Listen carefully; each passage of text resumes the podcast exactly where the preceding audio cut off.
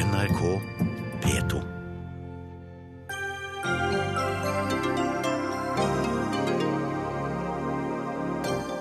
I årets finansdebatt blir både bilistene og klima utpekt som tapere. Hvem vant egentlig denne budsjettrunden? Og hvor tar de de ekstra pengene fra?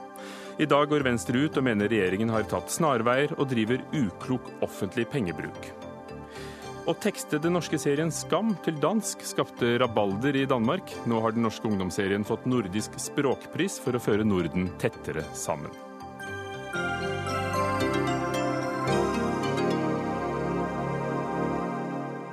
Og vi skal til Italia, hvor landet står nok en gang uten en regjering etter folkets nei i folkeavstemningen i går. I siste time ble samarbeidspartiene enige om et budsjett ved å flytte på 7,3 milliarder kroner, bl.a. til klimatiltak. Finansdebatten pågår fremdeles i Stortinget, og i kveld skal det stemmes. Den såkalte bilpakken forblir urørt, men økt engangsavgift for forurensende biler, økt innblanding av biodrivstoff, flat CO2-avgift fra 2018 og ny klimalov er blant klimatiltakene som da ligger i denne avtalen. Ketil Solvik-Olsen, samferdselsminister fra Fremskrittspartiet. Hva var den bitreste pillen eller den største kamelen du har måttet svelge? Jeg syns alt i alt så er dette budsjettet bra. Det er godt balansert. Det er mye god Frp-politikk i det, men òg mye som både Høyre, Venstre og KrF kan være stolte av.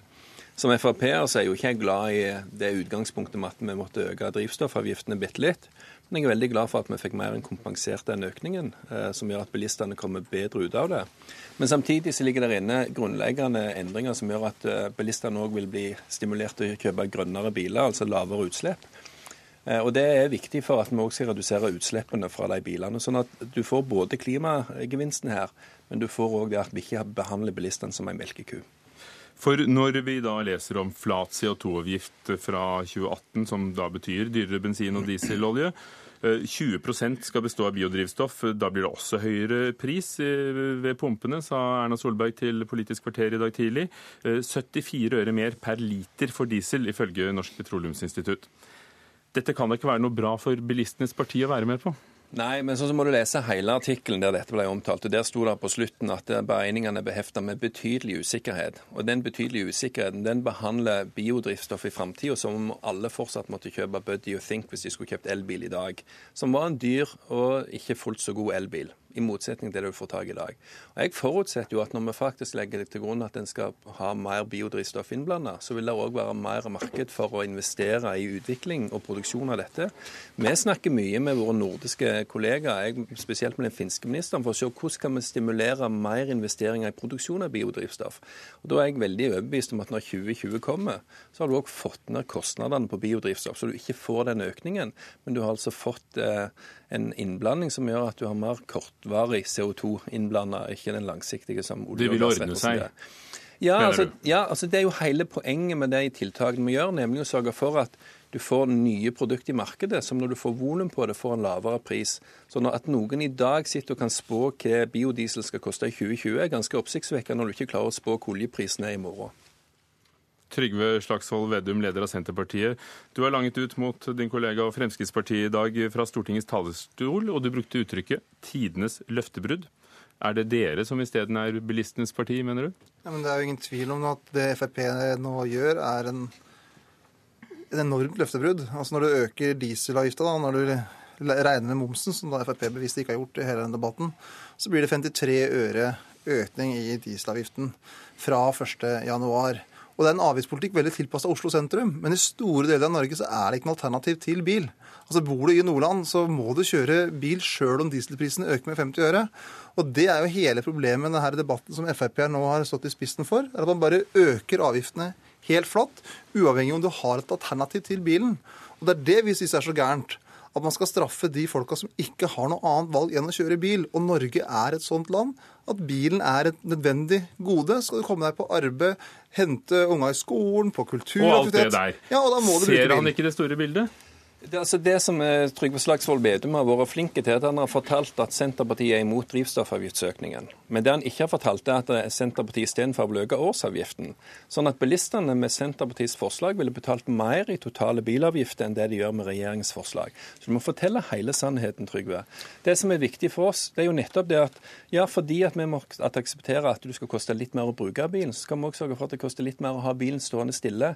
Sånn at bilistene kommer faktisk bedre ut. Du nevnte det i sted. Jo, men, men, men, men, når Senterpartiet ikke tar det inn over seg at bilistene kommer bedre ut, ikke dårligere ut Det blir så dyrere bil med Senterpartiet enn med Frp, og så får jeg kritikk for det motsatte. Da blir debatten litt misvisende. Dere alle, alle, skal komme til ordet her, for vi har uh, både Venstre og Miljøpartiet De Grønne med. Men uh, Vedum, hvordan mener du for øvrig uavhengig av hvem som gjør det dyrest eller billigst å kjøre bil, at vi skal kutte utslipp hvis vi skal kjøre like mye diesel- og bensinbil som før? Men jeg må svare på det. fordi at det, er helt sant at vi har litt høyere årsavgift, men vi har mye, men vi har mye bedre pendlerfradrag. Og, og, Poenget vårt er at det er, veldig, det er ikke så mange i Norge som har råd til å kjøpe en bil bare for å la den til å stå i garasjen. Så vi ønsker å sørge for at de som faktisk må bruke bilen hver dag, og det er veldig mange som må, at de ikke skal få en stor regning i økte drivstoffavgifter. Og så har vi et par veldig gode tiltak når det gjelder klima, som vi har mange flere òg. Men det viktigste vi hadde i vårt alternative budsjett, det var en økt omsetningspålegg på 20% som nå Venstre og KrF har fått gjennomslag sammen med Frp og Høyre. Og vi har et CO2-fond for transportsektoren, der vi har lagt inn 1 milliard kroner. Så det skal begynne å virke med en gang. Og det har dessverre ikke Venstre og KrF fått gjennomslag for, for de har bare fått gjennomslag for prinsippet, men ikke lagt inn penger. Så vi har et veldig godt klimabudsjett. Men vi ønsker ikke å straffe folk som er avhengig av bilen hver dag, og det trenger Norge. Og da må vi ha en målrettet politikk som har forståelse. La oss høre med Venstre og nestleder Ola Elvestuen. Hva var det viktigste enkelttiltaket som gjorde at dere ble med på det budsjettet som eh, stemmes over i dag? Og Det er vanskelig å peke på, men det er helheten i klimapolitikken. Og Jeg vil ta med også kollektivsatsingen, jernbanekollektiv, som er veldig viktig her.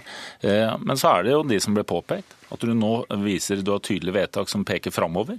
At du får innblanding på 20% av biodrivstoff.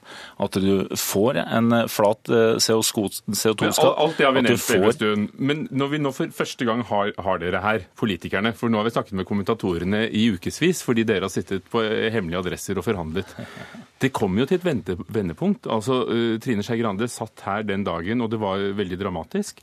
Uh, hva gjorde at dere snudde? Det, det må jo ha vært noe der som gjorde at dere så dere i stand til å bli med? Det er klart at det ene punktet hvor det er et skifte, men som er mindre enn det Venstre ønsker, er jo det grønne skatteskiftet. Og det er klart at Veldig mye av diskusjonen har vært der. Men i og med at vi har forhandlet om det, så har du fått på plass veldig mange andre ting. Jeg nevnte kollektivtrafikken, du nevnte alle disse store, tunge klimavedtakene som peker framover. Klimalov er en annen som er der. Og så er det klart, helt til slutt, så klarer man altså å få til de kneppene som gjør på avgiftssida, både med engangsavgiften, det at du også kan få en vrakpantordning ordning for, for eh, da biler som eh, varetransporten, sånn at du kan få nye tiltak inn for å drive klimapolitikken eh, framover. Og dette gjør, Men jeg tror vi skal være så ærlige at dette var så på kanten at i hvert fall når, når jeg gikk ned på Stortinget på morgenen på lørdag, så er jeg fortsatt ikke sikker på om vi ville kunne få en avtale som ville være så god at vi kunne, være, kunne stå for den i etterkant. Og tenk, så var den klar akkurat i Dagsrevyens sendetid, pussig nok. Ja, Det tror jeg er mer tilfeldig, for her er det, her er det eh, krefters kamp som står. Og at det kommer på et sånt tidspunkt på en lørdag kveld, er det i hvert fall ingen av disse partiene som i fellesskap har planlagt. Rasmus eh, Hansson, eh, nasjonal talsperson og stortingsrepresentant for Miljøpartiet De Grønne. Et godt og et grønt budsjett? Eh, ikke godt nok og ikke grønt nok, men vi har sagt eh, vel blåst. Og eh, dette er det noen framskritt i. Men det er fortsatt slik at Miljøpartiet De Grønne er det eneste partiet som har et budsjett for 2017 som leverer de utslippskuttene som alle de andre partiene har lovet, men ikke leverer. Og det skyldes jo at viljen til å gjennomføre utslippskutt og gjennomføre de andre miljøtiltakene som må til for at det skal være et grønt skifte, eh, den viljen er fortsatt for lav. F.eks. denne bilpakka som, eh, som, vi nå snakker om. Den vil jo da ifølge en rapport fra TØI eh, som er kommet i dag, ha altfor liten effekt til å gi de kutta som skal til på, på veitransportsektoren. Vi er nødt Hadde til å du fått til mer med Frp i regjering hvis du var støtteparti, tror du? Jeg er ikke sikker på at vi skal gå inn på altfor hypotetiske spørsmål her. F.eks. at vi skulle være støtteparti for eh, Frp er såpass usannsynlig at eh, jeg tror heller vi snakker om hvilken klimapolitikk som vi vil gjennomføre.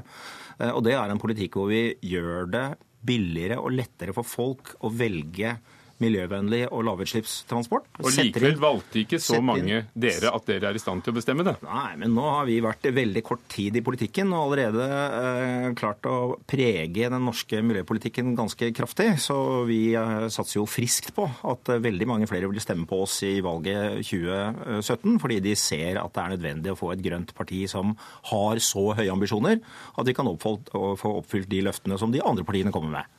Solvik-Olsen, eh, denne vrakpantordningen som vi, vi hørte om her, den skal stimulere til å skifte ut forurensende varebiler, campingvogner, fritidsbåter. En vinnersak eh, for dere? Absolutt. Vi har lenge ønska økt vrakpant. Det foreslo vi mange ganger i opposisjon. Nå er vi glad for at vi får flertall for det sammen med Venstre, KrF og Høyre. Jeg, altså det også viser hvordan ja, Venstre og Frp har åpenbart ulike innganger i mange av disse spørsmålene, men vi finner til enigheter som gjør at vi ikke straffer befolkningen på samme måten som venstresida ofte foreslår. Og Der vi klarer å opprettholde både en sterkere satsing på jernbanekollektiv, men òg opprettholde satsing på vei. Fordi det er min fremste kritiker i denne debatten her, Senterpartiet som mener, altså Selv om vi har lavere bilavgifter totalt sett enn det Senterpartiet foreslår, så skal vi huske at han skal søke samarbeid med Arbeiderpartiet, som foreslår å øke bilavgiften med 3 milliarder kroner. Han skal også søke eh, samarbeid med Rasmus Hansson, som mener at vi skal kutte veibevilgningene kraftig, akkurat som Venstre og Arbeiderpartiet også foreslår. Så Senterpartiet, hvis de skal ville få gjennomslag for sin politikk, så skulle de jobbet med Ola og meg og fått til dette. Ikke søke samarbeid med de som vil ha mindre vei, men høyere avgifter. For der har vi det til felles med, mellom Venstre og Frp at en mer miljøvennlig politikk skal ikke bety høyere avgiftsnivå på befolkningen totalt sett, men det betyr en annen innretning. Og det er en helt annen tilnærming enn venstresida, som hele veien tenker økte avgifter og mindre infrastruktur. Jeg skulle, du, to, du tok spørsmålet ut av munnen på meg, for til Vedum hadde jeg tenkt å spørre tror du virkelig at uh, du hadde fått det bedre fra ditt ståsted med Arbeiderpartiet? Ja, Det er jo bare å se på den regjeringsperioden vi hadde. det. Altså Erna Solberg sa jo det i pressekonferansen i forrige uke. Hun skrøt jo høyt av at eh, diesel- og bensinprisene økte mer på ett budsjett enn den gjorde under åtte rød-grønne år. Hun var jo kjempestolt eh, av det. Har du Og, på, poen, og poenget, poenget vårt er jo Men det var fortiden og ikke fremtiden. men se på resultatene våre. og Vi er opptatt av å bruke miljøpolitikken aktivt. Og Selvfølgelig skal vi ha en grønn skifte eh, og få ned CO2-utslippene, men vi kan ikke straffe de som ikke har et alternativ. Og jeg tror Noe av problemet i klimadebatten er at den er så Oslo sentrum-sentrert. Norge er så mye mer. Vi må plante skog, vi må hogge skog, vi må utvikle ny teknologi, vi må ha vi biodiesel. Men vi kan ikke tro at du bare skal straffe de som må bruke bilen hver dag. De som bruker det i fiskeri, i Men er jo en- det, sen- men det er jo- er det et Nei, men det er, jo, sentrums... det er jo Sentralisering. nettopp Er det én ting vi virkelig har fått til, er det noen som er begeistra for denne avtalen, så er det jo skognæringa. Er det noe vi virkelig nå har dratt i gang med den biodrivstoffsatsingen som vi har gjort, som dere stoppet i deres regjeringstid? Da falt den til grus igjen. Nå, nå la man grunnstein for biogassanlegg i Skogn, det gjorde man i forrige uke. Nå er det ideer for å få opp nye drivstoffanlegg i Norge. Her sånn har du en næringsutvikling som er bra for hele landet. Derfor Og det må jo også- og Det må jo altså Senterpartiet se som noe positivt, og ikke bare hele tiden prøve å fremstå som det mest miljøfiendtlige og Nei, klimafiendtlige partiet på Nei, Stortinget. Jeg er ikke et praktisk målrettet miljøparti, og jeg har hogd veldig mye tømmer den siste tida. Jeg er veldig glad for at det skal gå inn i en grønn verdikjede. Det er meget, meget øh, fornybart. Men det som er så rart med Venstre, er f.eks. den enorme motstanden mot pendlerfradrag som dere har hatt nå. Altså En pendler som pendler seks mil hver dag nå, har 3000 kroner mer i skatt enn i 2013. Og det kalles grønt skifte og klimapolitikk. Det er ikke det det er. Det er en ren straff av de som reiser langt på jobb. Og det er det som er så skummelt når Venstre og Frp allierer sine krefter. De glemmer den praktiske virkeligheten og, og straffer vanlige folk som må reise langt på jobb. Og jeg syns det er helt et misbruk Alle- alle av ordet miljø.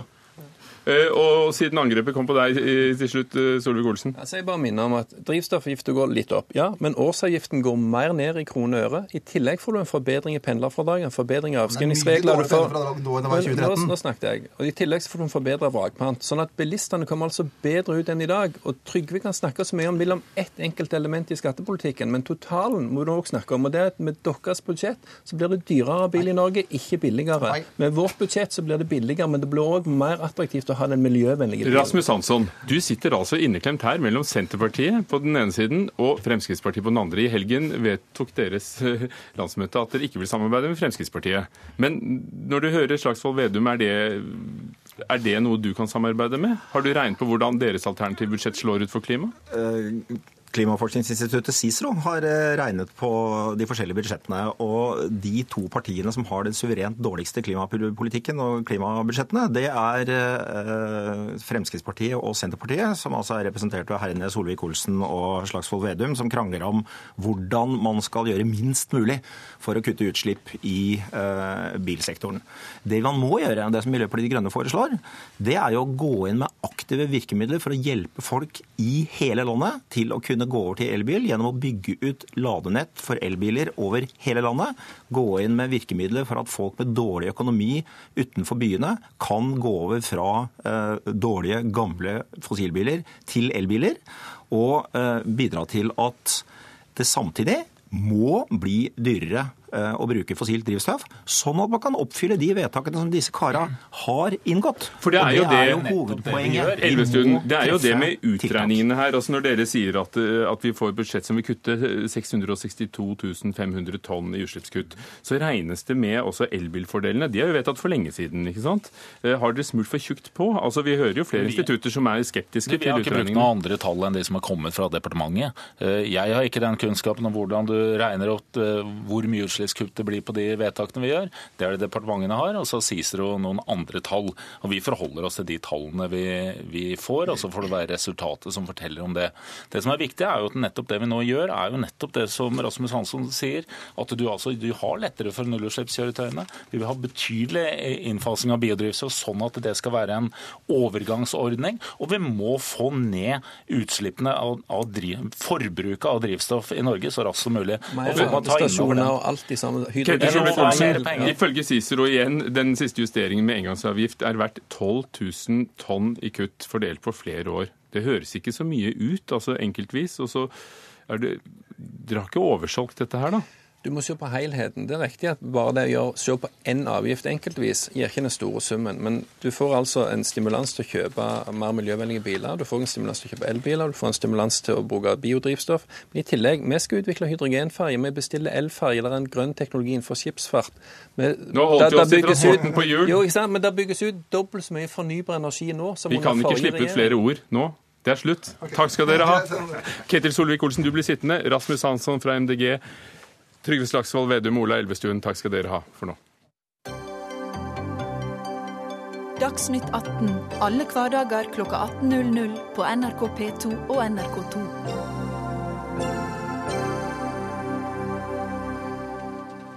Det falt noen eh, sterke ord i Dagens Næringsliv i dag. Regjeringen har tatt snarveier og driver med uklok pengepolitikk, sa Venstre om årets statsbudsjett. Det budsjettet de altså selv var med å bli enige om lørdag. Mens Arbeiderpartiet raser mot at den samme regjeringen bruker rekordmye oljepenger og vil ta mer penger fra sykehusene gjennom effektivisering. Sveinung Rotevatn, stortingsrepresentant fra Venstre. Du og nestleder Terje Brevik gikk ut i avisen i dag og kaller altså øh, inndekningen for lite klok. Og så var dere selv på talerstolen lørdag kveld og, og virket veldig fornøyd. Ja, Nå er vi fire partier som er blitt eh, enige om en avtale omsider etter lange forhandlinger. og Den eh, står vi sammen om og skal stemme sammen om i kveld på Stortinget. Eh, men vi er jo også fire ulike partier, eh, og jeg tenker at det er jo greit å være ærlig om hva vi er begeistra for i det vi har fått til, og det vi er mindre begeistra for. Eh, fra Venstres side så er vi begeistra for veldig mange av de viktige satsingene her. Eh, ikke like begeistra for andre satsinger, f.eks. økninger i kontantstøtte. Eh, men på inndekningssida, som var det jeg snakka om når DN spurte meg i dag, eh, så har jeg sagt det, og det mener jeg jo, at eh, jeg syns det finnes eh, mer fornuftige måter å omprioritere på et budsjett enn en del av de grepene vi har måttet ty til. Eh, jeg tror for eksempel Dere skal ha poseavgift. Ja da, det er ikke noe poseavgift. Men det er klart at en, en tar jo f.eks. økt utbytte fra statlige selskap, eh, og det kan en jo gjøre. Da får du penger til å satse på andre ting. Men det er klart at på sikt eh, så mener jeg at det ikke gir veldig bærekraftige budsjett. Så Men jeg, du må synes det var verdt det, fordi du var tydeligvis fornøyd med det dere fikk i, i, i ting som kostet penger. At det var verdt der hvor det for dere helst skulle kostet mindre penger. Ja, det er En god del av det som vi har fått til, jeg er veldig fornøyd med. og Det er en grunn til at vi kan stå sammen om det budsjettet. her. Men jeg tenker jo at for framtida nå i Stortinget, når vi får en stor eldrebølge som kommer, og det blir trangere tider i statsbudsjettet, så mener jeg egentlig at alle norske partier må være mer bevisste på at skal vi eh, satse mer på enkelte ting, så må vi prioritere ned andre ting. Nå gjør vi jo det i budsjettet. altså F.eks. denne effektiviseringsreformen i staten. Det er en reell omprioritering som Venstre absolutt støtter. Men jeg tror at en må gjøre mer av det eh, framover, og kanskje litt mindre av utbytte fra statlige selskap. Ketil Solvik-Olsen, fortsatt samferdselsminister, men i denne sammenheng er det jo mm, viktig å påpeke at du er nestleder i Frp. Mm. Er det et poeng? Eh, har det gått litt over stokk og stein med forbruket i, i, for å gjøre alle fornøyd?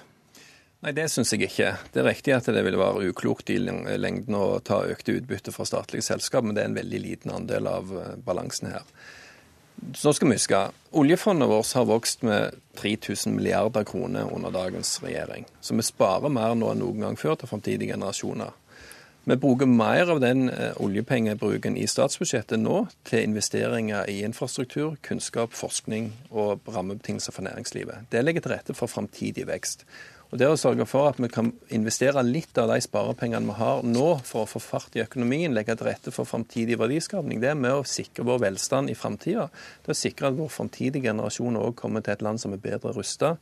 At gården vår er overlatt i litt bedre stand eh, til neste generasjon enn vi sjøl overtok den i. Er det, Men er den det når vi tar ut mer enn vi setter inn i, i oljefondet? Vi tar eh, ikke ut mer enn det vi setter inn, men uh, inntektene for olje, olje er blitt lavere. Men tar du med avkastningen for de pengene som står der inne, så vokser fortsatt oljefondet. Så der er det noen som prøver å gi et litt mer dramatisk inntrykk enn det som er tilfellet. Men mye av det som balanseres i budsjettet nå, det, det er noen reelle omprioriteringer. Det er noen steder der en ikke har hatt så store utgifter som den trodde. Poenget er vel at det ikke vokser nok for å holde tritt? Nei, men vi har altså det har vokst med 3000 milliarder kroner. Ja, ja, Det høres mye ut, men det er prosenter vi snakker om her. Ja, det, Oljefondet har jo sånn sett nesten dobla seg på de tre og et halvt årene vi nå snart har styrt. Sånn at La oss ikke overdramatisere det. Men selvsagt, hvis du ender opp med at du har store utgifter uten inntekter, så har du et kjempeproblem. Men da vil jeg jo bare minne om at alle opposisjonspartiene har større utgifter på statsbudsjettet sitt enn det regjeringen har lagt fram men de balanserer det med å skattlegge befolkningen mye høyere. Sånn at når noen later som at de er mer ansvarlige fordi at de ikke bruker så mye oljepenger, så er det fordi at de skattlegger næringslivet, innbyggerne, bilistene mye høyere. Og det tror ikke jeg er med å bygge dette landet i den tida vi er nå, når vi faktisk trenger mer kapital i næringslivet, gjør det mer attraktivt for folk å ha litt mer i lommeboka si. Marianne Martinsen, da er det på plass å bringe inn deg, finanspolitisk eh, talsperson fra Arbeiderpartiet. Du mener de skjuler konsekvensene og har kalt det på grensen til det uredelige. Det sa du fra Stortinget i finansdebatten i dag. Men, men hva er det de skjuler, og, og mener du at dere overlater gården i bedre stand til fremtidige generasjoner hvis dere hadde fått viljen? Ja, Da jeg sa i finansdebatten i dag at jeg mener at det er på grensa til uredelig å skjule konsekvensene av hva det er som foregår, så var det eh, sjukeskutt jeg refererte til. Eh, dette er jo et relativt omfattende forlik. Mange punkter. Eh, mange poster som, som, det er vanskelig å skaffe seg oversikt over på kort tid hva egentlig innebærer. La oss komme Men, tilbake til det med sykehusene. Men når det gjelder det totale pengeforbruket og oljefondet? Så, ja, så er det alvorlig. Eh, det er altså sånn Ketil Solvik-Olsen, at 2016 er det første året hvor vi tar mer penger ut av det fondet enn vi faktisk setter inn på det. Eh, og Finansministeren var ikke villig til å regne ut på, på spørsmål fra Arbeiderpartiet hvor lang tid det tar før fondet går tomt med, det, eh, med den veksten vi nå har i pengebruk. Det gjorde Dørum, som er i ferd med å gå på som sjefsøkonom i, i NHO i stedet. Eh, og fasiten på det er 2043. Altså Fondet går tomt i 2043 hvis vi fortsetter innfasingstempoet vi har nå. Hvis det ingen er, våger hodet, så kan skjønne du kan lage et teoretisk ja, regnestykke. Men, ja, men, men det er jo helt... Ikke, mener du at dere ikke bruker hodet? Og så, nå snakker jeg. Og så kom forliket i helgen. Eh, og det gjør ikke situasjonen veldig mye bedre. Her har man også i utgangspunktet økt oljepengebruken med nesten 100 milliarder kroner gjennom fireårsperioden. Så kom man til et forlik som er vanskelig å dra i havn, fordi regjeringa sjøl har satt seg i en utrolig vanskelig posisjon gjennom å gå til Stortinget med et ultimatum. Trenger å bruke mye penger for å få forliket på plass, og gjør det bl.a. ved store kutt i ymseposten, som er penger som ellers ville stått ubrukt, gjennom å hente ut mer utbytte fra statlige selskaper. Eh, og generelt sett øke permanente utgifter kraftig og dekke det inn med inntekter som vi bare kommer til å få én gang. Det betyr at vi får et stort inndekningsproblem i perioden som kommer. Og her mener jeg Rotevatn har helt rett. Ja. Altså Arbeiderpartiet øker f.eks. For formuesskatten med 4 milliarder kroner og gir inntrykk av at det skal skape bedre sosial likhet i Norge. Men det de gjør med de 4 milliardene, er jo å spare de på oljefond i utlandet. Det siste vi trenger nå, er å skape arbeidsplasser til utenlandske fondsforvaltere.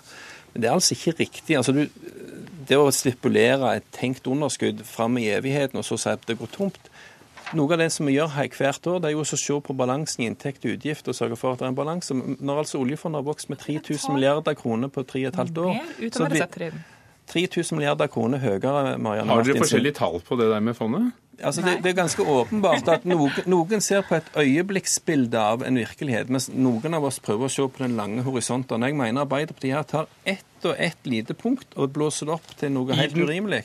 Akkurat som, som horisonten, la oss sette et lite komma der. Jo, men kan jeg bare få si, fordi Akkurat som Marianne Martinsen nevnte, at hun tok utgangspunkt i sykehusøkonomien. og Det gir uttrykk for at her er det kutt i sykehusene. Faktum er jo at sykehusene vil ha 1,5 milliard kroner mer å benytte i 2017 enn i 2016, mens Arbeiderpartiet kommer til å fortelle alle at det er et kutt på en halv milliard kroner. Vi, vi kommer dit. Takk.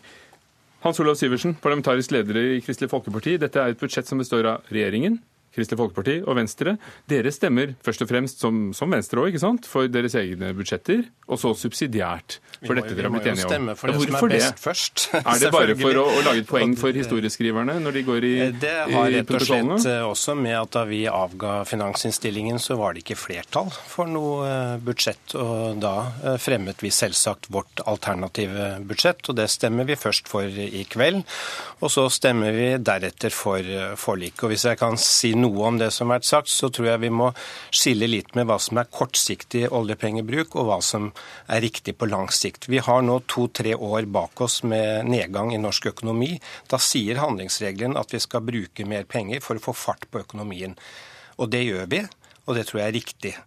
Og så betyr det også at når økonomien kommer mer i balanse, så må vi også dempe veksten, og det har vi alle et ansvar for.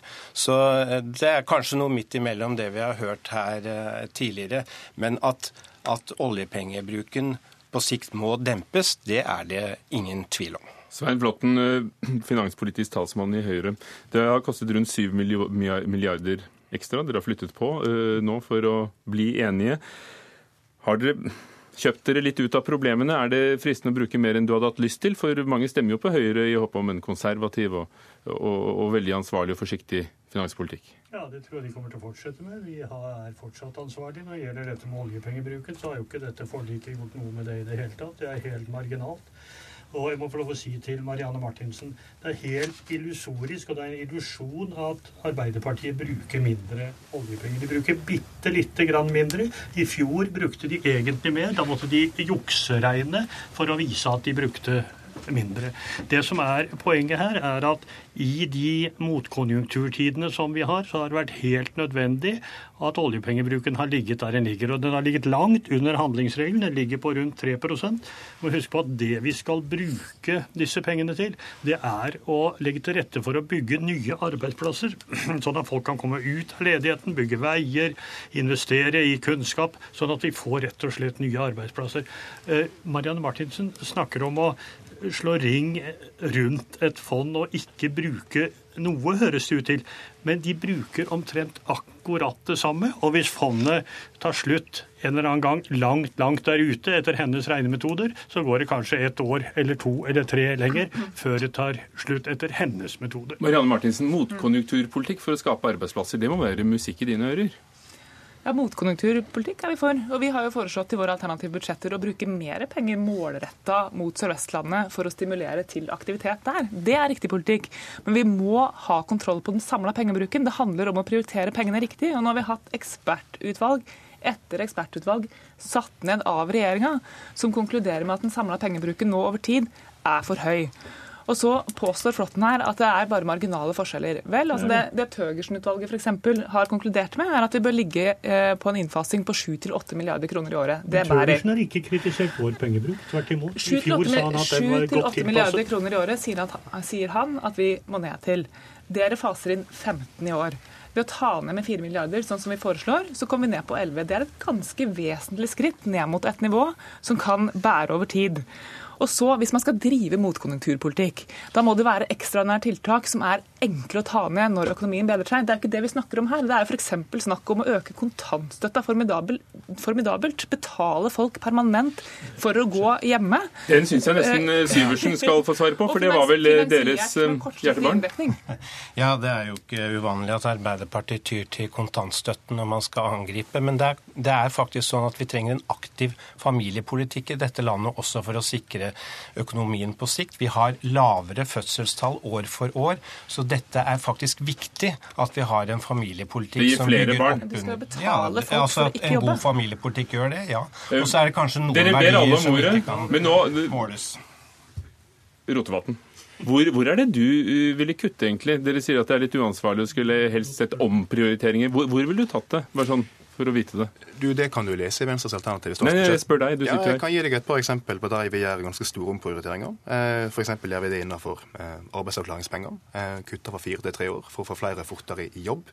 Eh, vi øker aldersgrensa for når du får ei ekstra ferieuke, til eh, 65. Vi reduserer en del bidrag til Statsbygg, til pelsdyrnæringa. Det er nok av ting Kontantstøtten å- ville dere kanskje ikke hatt Nei, økning lot, være å nevne den, da. uh, I og med at jeg sitter ved siden av Hans Olav her. Men uh, ja da, det er også sendeplass der vi uh, henter penger. Men mitt poeng er i alle fall at jeg tror at borgerlig side nå må ta én ting veldig på alvor. Og det er at offentlig sektor som andel av økonomien blir større og større. Og vi bruker veldig mye oljepenger. En del av det er til investeringer, men mye av det er også til drift.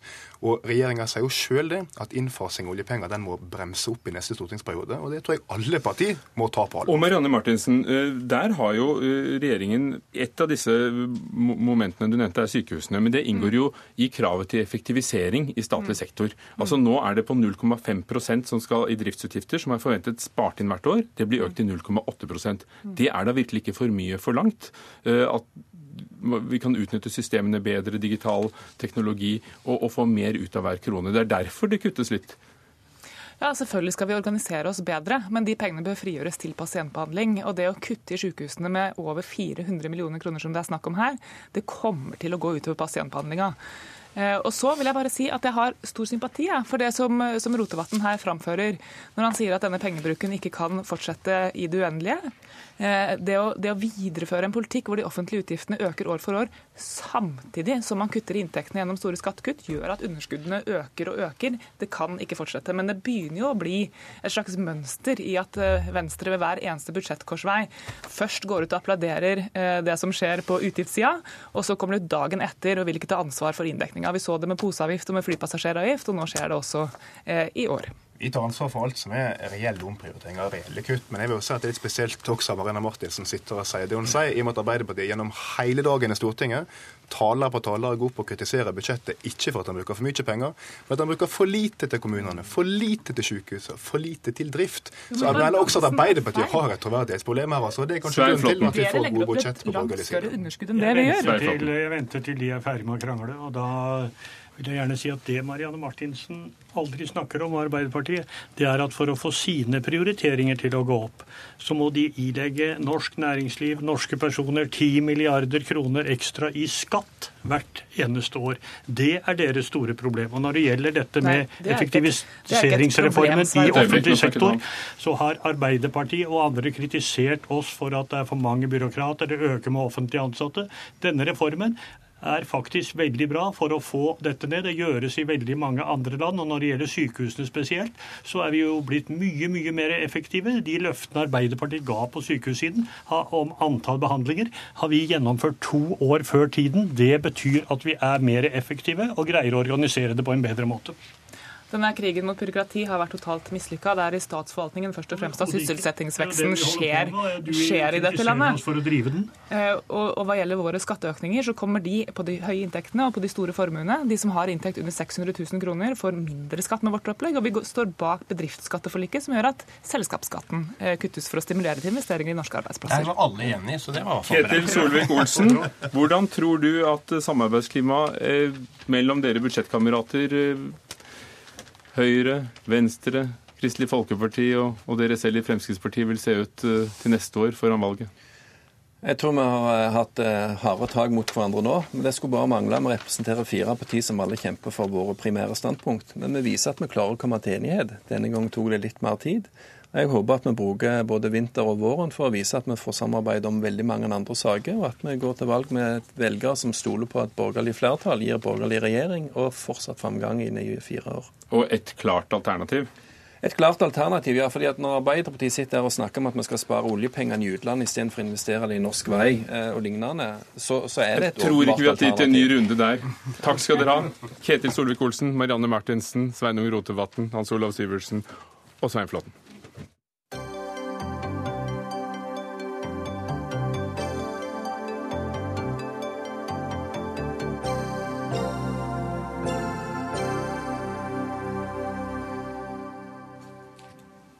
Det var politikerne. Nå analytikerne. Elisabeth Holvik, sjeføkonom i Sparebank1-gruppen. Er dette et budsjett for fremtiden?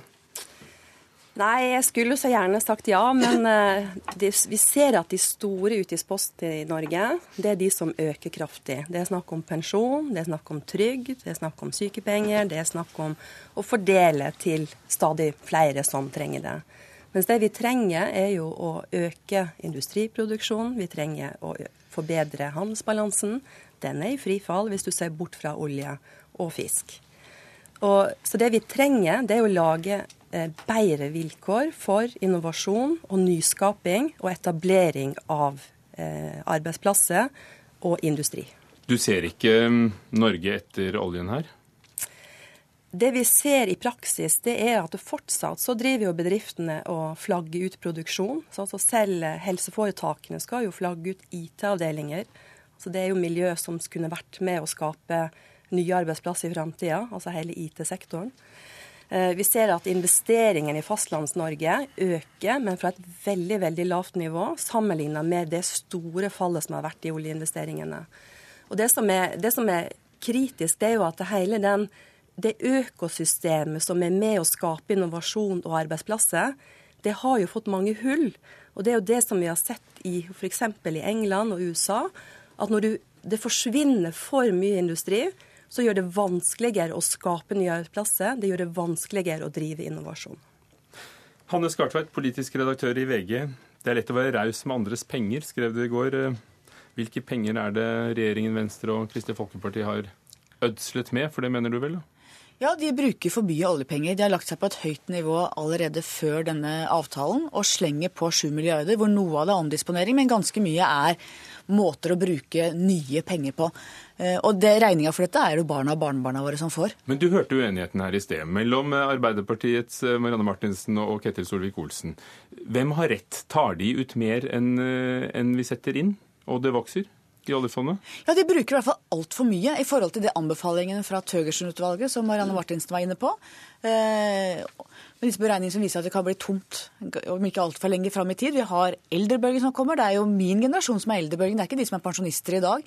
Og så legger de inn penger på som Elisabeth var inne på her, kontantstøtte, pensjoner, ting som er bundne penger som man ikke kan gjøre noe med. Så det blir vanskelig for de neste politikerne de neste tiårene å, å orientere innenfor. Som økonom, hvem regnet riktig av politikerne der i sted?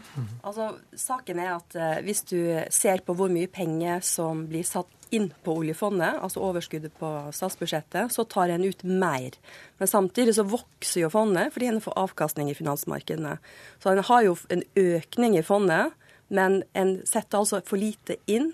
En tar nå ut mer enn en har av overskudd av oljeinntektene. Og Hvis en ser på underskuddet på statsbudsjettet før en henter penger fra oljefondet, så er det på rekordstore 7,3% alle husker Maastricht-kriteriet i EU på 3 sant? Vi er godt over. Og nå skal vi inn i en fase der utgiftene til eldre, helse og pensjon øker kraftig, mens oljepengene flater ut, hvor mye vi kan ta inn i statsbudsjettene. Så dette blir et stort gap i framtida. Og Det interessante er at ingen av politikerne snakker ordentlig om å kutte. Det er hele tiden en konkurranse om å øke bevilgninger, øke utgifter. Det er veldig vanskelig for en politiker å si at jeg ønsker å redusere utgiftene kraftig her. og det er litt synd. Venstre sa det jo nå, da. I ettertid. Ja, men nå har de vært med på en utrolig dyr avtale, så det er lett. Det er litt sånn bakrust er dagen derpå. Lars Nehru Sand, kommentator her i NRK. Lang dags ferd mot natt. Ja, det ble jo det. Hvem har vunnet, hvem har tapt? Ja, det er i hvert fall, Denne avtalen ble jo til på lørdag kveld fordi ingen har grunn til å utelukkende føle seg som tapere. og Det vi må se på da, er jo egentlig verdien og kanskje aller mest holdbarheten i de eventuelle seierne som ligger der. Vi ser Eh, Fremskrittspartiet eh, oppnår jo at denne bilpakken ligger fast, men spørsmålet er jo hvordan bilistene må eh, eventuelt oppleve avgiftsendringer i fremtidige budsjett. Venstre oppnår denne endringen i engangsavgiften, som var det forløsende for at hele avtalen ble noe av. Jeg tror verdien av Venstres klimaseiere vokser mer på sikt og i årene fremover enn nødvendigvis i 2017, som var kanskje noe av Venstres krav. Og verdien i faktiske utslippskutt. Ja, med den måten man har, har lagd dette budsjettet på. Venstre ville ha kraftige utslippskutt allerede neste år. Jeg tror verdien som sagt, av de klimaseierne er større på sikt. Erna Solberg vinner jo det faktum at dette borgerlige samarbeidet eh, lever videre, men det er jo en høyst eh, risikabel seier. Du som kjenner våre pengevaner, hva tror du er viktig for folk, dvs. Si stemme, stemmegivere, velgerne? Men det er jo som en sier her, at både media og politikerne er opptatt av hvem er det som får den ekstra krona her og nå i dag. sant? Og samtidig som vi sitter og sager på den greina vi flere og flere har krabba opp på. Sant? Og det vi risikerer, er jo at alt fokuset sant, blir her. Hvem får den krona, hvem tapte, hvem sa det smartest, hvem hadde retorikk? Han sa det på en sånn måte. Så glemmer vi å telle opp. Ja, hvor mange norskeide private bedrifter har vi igjen i Norge? Hvor mange har blitt solgt ut? Hvor mange arbeidsplasser har gått tapt? Eh, hva skjer ute i industrien? Hva skjer med innovasjon? Er det bare Innovasjon Norge, sysselsetting rundt innovasjons, eh, offentlig finansiert innovasjon? Greier å kommersialisere og sette dette i produksjon, slik at vi får valutainntekter, skatteinntekter og arbeidsplasser i framtida. Det er helt kritisk. Og de som vil forstå det som har skjedd i brexit, Italia og USA, må begynne å grave i det spørsmålet, og ikke hvordan en har sagt det. Nå sier jo Solvik-Olsen her at dette er et budsjett som vil skape industri, som vil skape arbeidsplasser for, for fremtiden. Jeg er helt enig med Elisabeth. Det er utrolig kortsiktig. Det man bør se på er både, som hun er inne på, vekstraten, det å ha grunnlag for økonomisk vekst mange år framover, og utgiftene mange år framover. Til pensjonene, til oss som sitter her, til barna våre. Demografien som ligger der, som er en stor vekst i antall eldre. sånn at det er, det er for kortsiktig. Men er det, liksom ikke nettopp unnskyld, omleggingen av skattesystemet og, og kutt i formuesskatt som skal gjøre det eh, lettere å, å, eie og drive bedrifter, og omleggingen av, av skatt på aksjegevinster? Det er veldig positivt at den er greid å etablere dette begrepet om arbeidende kapital, og at en har en jobber med å få fritak i formuesbeskatninga for arbeidende kapital. Det er helt essensielt, og her burde alle partier bare heie på det. Slik at en får vridd kapitalstrømmen vekk fra leilighet i Oslo og inn i bedrifter, i produksjonsmidler, i industriforetak, som der en kan skape arbeidsplasser for fremtida. Men sånn politisk, eh, Lars Nehru Sand, hvor troverdig er denne mindretallsregjeringen som regjeringsalternativ eh, til neste år? Det er ingen tvil om at avstanden mellom sentrumspartiene og Fremskrittspartiet har økt med, med denne høsten vi har vært gjennom. Først med, med Forsvaret og så eh, budsjettarbeidet nå. Eh, så det blir opp til partienes landsmøter og, og andre organer som, som, neste år skal stake ut en kurs for, for valgkampen eh, og avgjøre det. Men vi vet allerede at både Venstre og Kristelig Folkeparti går til valg på at Frp skal eller bør forlate regjeringen, og ønsker en regjering bestående av Høyre Eh, KrF og Venstre primært. Hvordan ser du for deg den politiske valgkampen? Jeg tror at det som har skjedd nå før budsjettet, har svekket troverdigheten til at de fire kan gå til valg som et troverdig alternativ til en ren Arbeiderpartiregjering eller en rød-grønn regjering etter valget. Vil det ha noe å si, det, disse siste ukenes uh, hendelser, hvor, uh, hvor, KrF kommer til å, å, å legge inn sjarmoffensiven? Så de er i indre splid med seg selv uansett. Jeg vet ikke om dette har betydd noe. Det er klart nå, Hukommelsen er kort. Nå er det veldig såre i ultimatum og disse tingene. Men det er de politiske realitetene som vil telle. Og hvordan skal vi komme oss, hvis du mener at vi, vi har satt det litt over styr, Elisabeth Håvik? Nei, altså Det finnes lange lister fra OECD og IMF og fra økonomer i hvor en må begynne å kutte. En må legge om pensjonssystemet i offentlig sektor. En må begynne å virkelig få eh, flere, sterkere insentiv til å jobbe. Eh, en må ha tøffere krav til innvandrerne som kommer for å få de i arbeid. Det er en hel pakke noe med virkemidlene en kan bruke for å få ned de langsiktige utgiftene. Og det er vel ikke en vinnersak for noen som skal gå til valg, disse, denne smørbrødlisten her? Nei, og særlig hvis du ser bare et eksempel, Boligskatten, som Elisabeth var inne på, med beskatning av eiendom. Det er jo alle politikerne nesten enige om at man bør gjøre, men de tør ikke for at de tør ikke ta den politiske sjansen. Og det er synd. Men noen av disse langtidsperspektivene som Holvik også etterlyser, kommer jo når regjeringen legger frem sin perspektivmelding til våren. og Da må også Erna Solberg og eh, Siv Jensen svare for hvordan deres regjering, hvis den fortsetter, har tenkt å, å svare på de utfordringene. Takk skal dere ha. Lars Nehru Sand, politisk kommentator i NRK. Hanne Skartveit, politisk redaktør i Verdensgang. Og Elisabeth Holvik, sjeføkonom i Sparebank1-gruppen.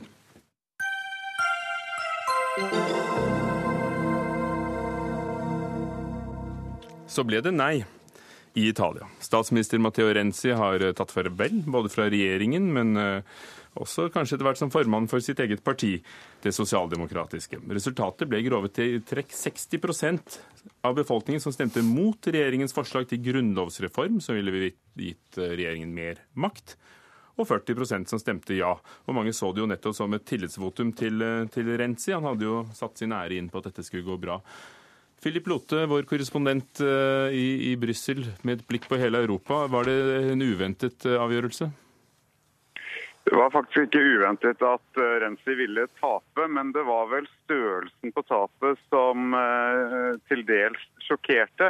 Nei-siden vant med nesten 20 prosentpoeng, mens meningsmålingene, som da de siste ble gjort for ca. to uker siden, viste at nei ville vinne med 4-5 Så det, det, at det veldig store oppmøtet og deltakelsen i eh, denne folkeavstemningen, som da nesten er på høyde med et vanlig valg i Italia, ga en så klar seier til eh, eh Nei-siden viste at dette var en sak som alle som sto i opposisjon til Renzi klarte å mobilisere på. Så for han så er dette et stort nederlag.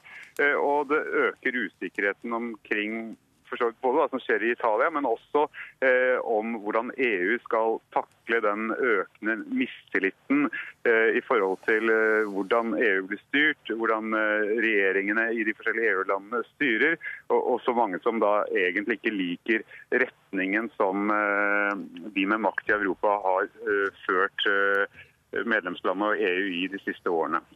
Per Anders Madsen, redaktør og kommentator i Aftenposten, tidligere Italia-korrespondent. Vi satt her på fredag og så for oss hvordan det skulle bli, eh, og så ble det altså et nei. Men denne nei-siden, det er en broget forsamling. Hvem er de?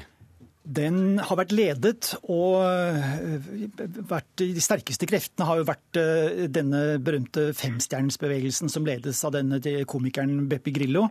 Eh, eh, sentrumspopulister kalles eh, bevegelsen ofte, fordi han trekker stemmer både fra høyre og venstre, egentlig. Kamp mot korrupsjon har jo vært en hovedsak for den bevegelsen. Den andre store kraften har vært denne tidligere separatistbevegelsen i Nord-Italia, Lega Nord, som de senere årene har bygget seg opp som en mer nasjonalt orientert høyrepopulistisk bevegelse, og som har nå ambisjoner om å stå sterkt over hele Italia. Og også folk i det demokratiske partiet, som det heter, som er altså sosialistpartiet, det sosialdemokratiske partiet. Og, og, en forbitret Renzi sa i dag at jeg, jeg ante ikke at de hatet meg så inderlig eh, om sine egne som har forlatt ham. Hvilken fremtid har ham og hans retning for partiet? Nei, Det er et veldig spennende perspektiv, akkurat det. Det det er så riktig som du sier. Det er, ba, det er, jo ikke slik at denne triumfen for disse høyrepopulistiske partiene ved denne folkeavstemningen kan eh, oversettes eller transformeres til et slags eh, At triumf for dem var, var bare eh, nederlag for, for alle andre. Fordi det har vært et splittet parti som Renzi har ledet i denne kampanjen. Eh, og eh, Nå vil han jo muligens også måtte trekke seg som eh, partileder. Hva som da skjer videre med det partiet, det er litt vanskelig å, å si. Det er ikke helt utenkelig at krefter i det partiet vil gå inn for å lage en slags samarbeidsavtale med Berlusconis Forsa Italia, av alle ting. For selv om selv om Berlusconi har vært på nei-siden i denne kampanjen, så er jo også han og hans parti Eh, interessert i å demme opp for ytterligere innflytelse fra disse populistiske bevegelsene. Philip Lotte, Angela Merkel sa at jeg håpet han skulle få til disse reformene. Men, men hva er det hun og, og, mange med henne i EU anser som så viktig å få forandret eh, i Italia? I seg selv så ville jo EU og de andre medlemslandene se seg tjent med at uh, Italia var litt mer lettstyrt, at det var litt mer stabilt, og at regjeringer satt uh, ut hele perioder. Uh, men det andre er jo rett og slett at de vet at de populistiske kreftene, både i, sentrum som den til Pepe Grillo, og også de lenger til høyre og for så vidt til venstre, kunne bruke dette til å mobilisere mot makten. Eh, og Renzi prøvde jo å fremstille seg selv som den nye vinen, den som kunne gjøre endringer og endre maktstrukturer. I stedet for så ble han et symbol på eliten, som mange er så misfornøyd med. Eh, så det ble en, eh, en grov bom, rett og slett, fra Renzis side. Han, han, satte stillingen sin inn på dette på et tidspunkt hvor han kanskje var mer populær eh, og hadde større tro på dette ville gå. Etterpå så uttrykte han jo at dette kanskje var dumt. Han er jo fremdeles ung, så helt død i italiensk politikk eller europeisk politikk er han kanskje ikke. Men, eh, men dette nederlaget ville ta tid å reise seg etter. Han er jo bare noen og 40 år gammel.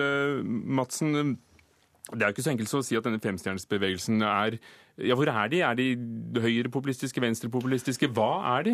De, de, det er mange av dem. Men... Det, er, de er, mange av dem. De ligger jo nesten hakket helt på Rensis eget parti på meningsmålingene.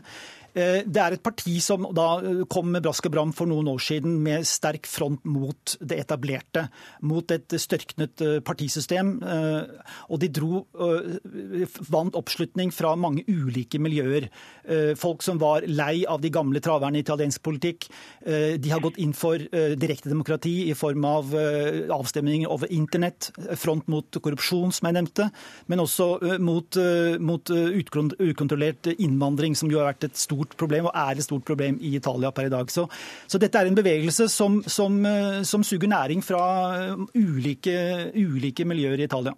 Men de, et, et, de, etablerte er veldig redd for dem, fordi uh, Rensis har jo at nå kan det være alle dere som snei, bane veien for at disse skal sitte i regjering, uh, og, og, det er forkastelig. Og han brukte langt verre ord enn det. Ja, han gjør det. Uh, de er jo uforutsigbare. De, de sitter riktignok med borgermesteren nå i noen veldig viktige byer i Italia, Roma, Torino, men de er jo helt ubeskrevet når det gjelder ledelse på nasjonalt nivå.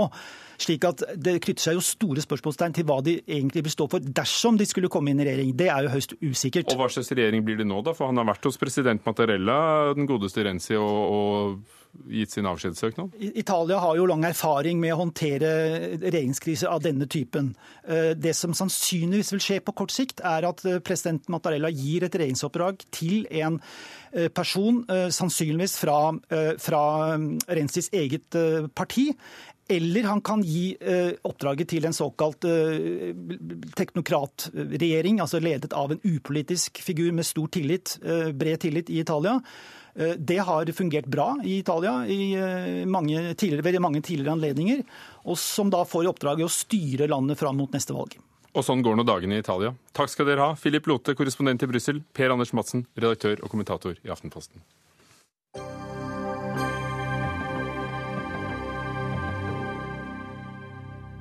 Skam. Har du hørt om den? Den populære ungdomsserien fra NRK fikk i dag Nordens språkpris for 2016, altså i år, eh, i år. Serien følger en vennegjeng på videregående skole i Oslo. Tredje sesong nærmer seg slutten her i Norge. Men mange dansker har også fulgt serien på internett. Den vises også på TV Danmarks Radio og på Island, og så kommer eh, serien også snart på fjernsyn i Sverige. Kurt Strand, journalist eh, i Danmarks Radio som eh, leder et medieprogram. Da, da, jeg besøkte København for noen uker siden, var det helt umulig å ikke bli overfalt av folk som ville snakke om skam med en gang de hørte noen som snakket uh, norsk. Hva er din oppfatning av interessen omkring skam?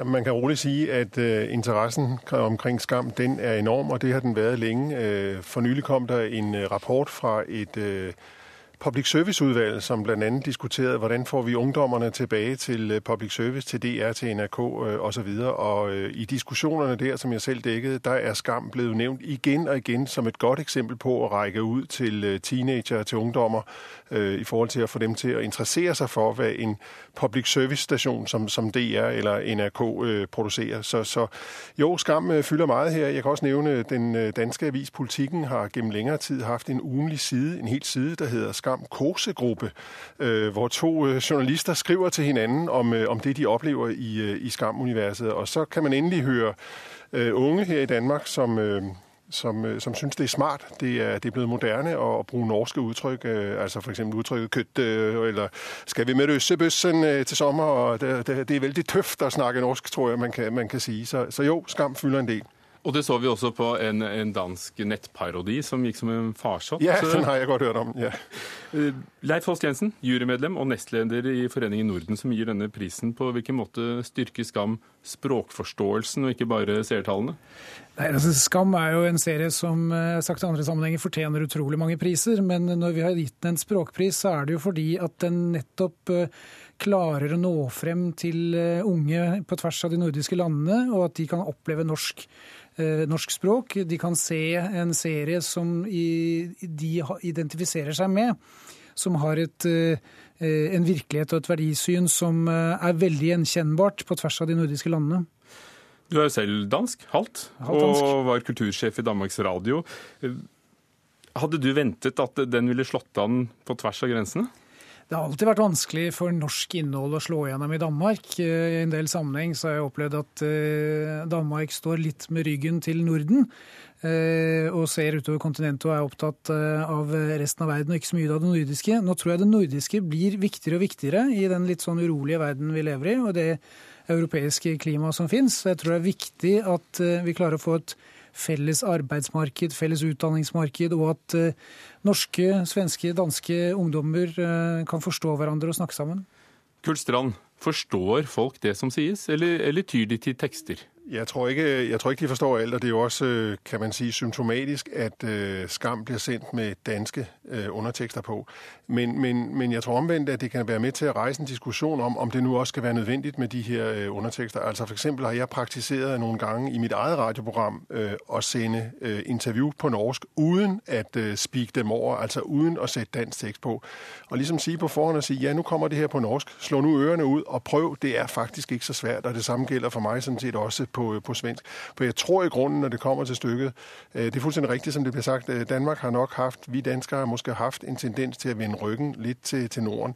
Omvendt, øh, så tror jeg, mange danskere også har et litt pragmatisk forhold til, til eksempel norsk. Altså skal man på ski i Norge, som jeg selv skal her i juleferien, glæder meg vanvittig til, Altså, så er det jo godt, når man skal gå på ski på Nordsætter, så er det jo godt lige å kunne et par norske uttrykk. det er godt å kunne forstå dem man møder, uden at man skal til å tale engelsk. Altså, det er jo det, som, som mange måske har vendt seg til, jamen så er det sånn man gør.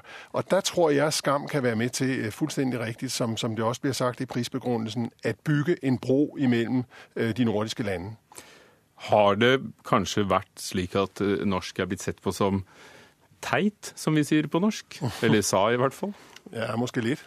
Det tror jeg nok. Altså, som, Måske en litt dårlig vittighet, ikke? Øh, tror jeg nok, hvis man skal si det litt, øh, lidt flæbet. Men altså omvendt, så, som jeg sier, jeg tror også, mange danskere har det her litt pragmatiske forhold til, øh, til norsk, og der er jo også en, altså lige nu en imponerethed over, at, at, at skam er slået igennem på den måten som det gør. Jeg minner, NRK har jo med skam formået at række hånden ut til noen grupper, som det har vært svært å få fat i, som hverken, øh, øh, DR eller SVT i Stockholm har, har formået. Og det tror jeg nok, man må sige, skaper en, øh, en stor respekt. Og jeg traff selvsyn mennesker som fulgte på NRK lenge før dere i Danmarks Radio begynte å, sende Leif Holst Jensen i en verden hvor de fleste unge snakker glimrende, flytende engelsk. Er det litt gammeldags å tviholde på nordisten i deg? Nei, jeg tror ikke det. Jeg tror at eh, det kulturelle fellesskap som vi har, eh, er ganske vesentlig i eh, både nåtid og fremtid. Og som jeg sier, at vi har hatt en veldig sterk nordisk fellesskap som, som vi kanskje har tatt fullstendig for gitt, men som egentlig bare blir viktigere og viktigere. Og da er det veldig fint at unge mennesker er opptatt av det nordiske. Og da hjelper det kanskje ikke med all verdens Nordiske råds priser, hvor bøkene ikke blir oversatt, filmene blir ikke vist. Det må et eller annet fenomen til som, som Skam treffer? Skam er levende, og de treffer. Og de treffer uh, først og fremst fordi at det er en uh, fantastisk godt fortalt serie. Et godt uh, utarbeidet prosjekt. Men det er gjenkjennelig på tvers av landegrensene. Mm. Kurt Strand, i en tid da vi knapt har korrespondenter hos hverandre i, i Norden. Um, Du var i Norge sist uke for å lage en reportasje om Skam. Hva, hva fant du? Jamen, øh, jeg tenkte det må kunne la seg gjøre å gå en tur ned av Karl Johans gate i Oslo og så finne i hvert fall én teenager som vil si nei, jeg ser ikke på Skam. Men det gjorde jeg ikke. Nei, det, det, kunne, ikke, øh, det kunne ikke lade sig gøre. Jeg må sige, jeg blev, øh, altså, jeg, jeg blev sådan set bare bekræftet i, hvad jeg havde hørt hjemmefra, nemlig at, at Skam er den her gedigne succes, som, øh, som tilfældet er. Og i Men dag jeg, fikk den altså nordisk, nordisk språkpris. Takk skal dere ha for at dere var med i den lille kosegruppen her i Dagsnytt 18. Leif Holst Jensen og Kurt Strand fra Danmarks Radio. Ansvarlig for sendingen var Fredrik Lauritzen. Lisbeth Sellereite hadde det tekniske ansvaret. Ugo Fermariello, programleder. Takk for i dag. Hør flere podkaster på nrk.no podkast.